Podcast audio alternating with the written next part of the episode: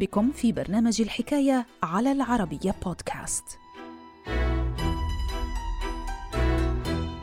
تحت شعار الآن أو ابدا قبلت رومانيا المشاركة في الحرب العالمية الأولى بعد أن حصلت على وعد بتوحيد الأراضي التي يسكنها رومانيون في الإمبراطورية النمساوية المجرية. لكن سرعان ما تكبدت خسائر جمة ليصل بها الأمر إلى توقيع وثيقة استسلامها في اتفاقية بوخارست يوم السابع من أيار مايو عام 1918 فكيف أبعدت عنها الذل وأبطلت رومانيا مفعول معاهدة بوخارست؟ تفاصيل الحكاية في مقال للكاتب طه عبد الناصر رمضان بعنوان هكذا نجت هذه الدولة من اتفاقية مذلة بالحرب العالمية. الحكاية. خلال شهر آب أغسطس 1916 لم تتردد رومانيا في دخول الحرب العالمية الأولى لجانب كل من فرنسا وبريطانيا وروسيا. أملا في انتزاع منطقة ترانسلفانيا من قبضة إمبراطورية النمسا المجر. ومنذ البداية واجه الرومانيون مصاعب جمة حيث سقطت عاصمتهم بوخارست إضافة لنحو ثلثي مساحة البلاد في قبضة دول الإمبراطوريات الوسطى. وهو ما أدى بالحكومة لتغيير مقرها والهرب نحو مدينة لاسي لكن مع وصول التعزيزات الروسية مطلع عام 1917 عرفت الجبهة الرومانية انتعاشة واضحة حيث نجح الروس في صد تقدم القوات الألمانية والنمساوية على محاور عدة. وعقب ثورة تشرين الأول أكتوبر 1917 وبداية الحرب الأهلية لم يتردد الروس في سحب أعداد كبيرة من قواتهم من رومانيا. وقد جاء ذلك قبل توقيع معاهدة بريست ليتوفسك التي أنهت رسميا مشاركتهم بالحرب العالمية الأولى.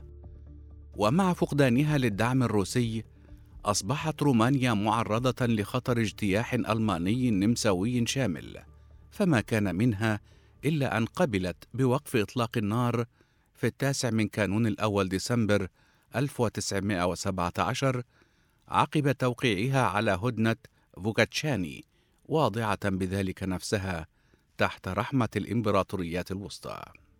وعلى إثر الإنذار الأخير الذي وجهه وزير خارجية النمسا أوتوكار فون سيرنين لملك رومانيا فرناند الأول في السابع والعشرين من فبراير 1918 قبل الرومانيون بالجلوس لطاولة المفاوضات لمناقشة بنود استسلامهم مع ممثلي الإمبراطوريات الوسطى لتبدأ بناء على ذلك مشاورات استمرت بضعة أيام وأفضت إلى ظهور اتفاقية أولية بين الطرفين.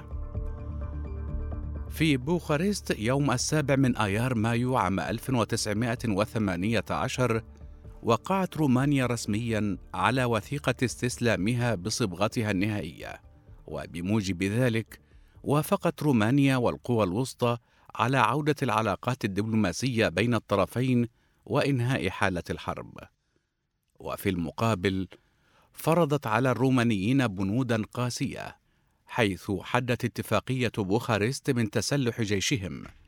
فتم حل عدد هام من الفرق العسكرية وسمح لهم بامتلاك ثمان فرق مشاة فقط لا يتجاوز تعداد جنودها عشرين ألف عسكري كما حدد عدد جنود فرق الخيالة بثلاثة آلاف عسكري وعدد جنود فرق المدفعية بتسعة آلاف.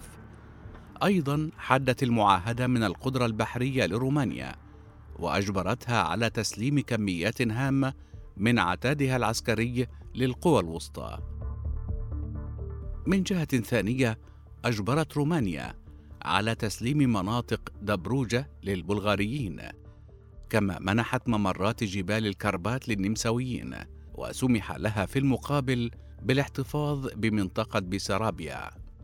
وعقب توقيعها على الاتفاقية سمحت رومانيا للألمان باستغلال آبار نفطها طيلة تسعين عاماً كما وافقت على تقديم فائض إنتاجها الزراعي للقوى الوسطى.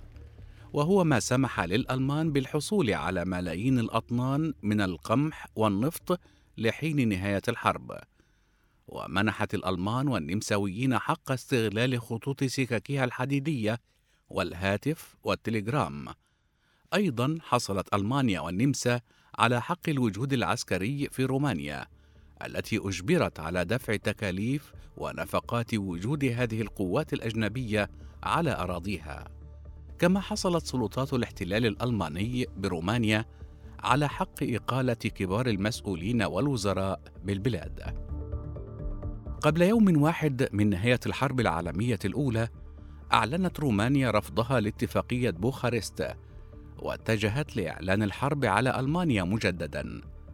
في الأثناء، رفضت هدنة يوم الحادي عشر من تشرين الثاني نوفمبر 1918 ما جاء بمعاهدة بوخارست وأكدت على إبطال مفعولها لتجبر بذلك ألمانيا على التخلي نهائيا عن امتيازاتها برومانيا عقب قبولها بمعاهدة فرساي أواخر حزيران يونيو 1919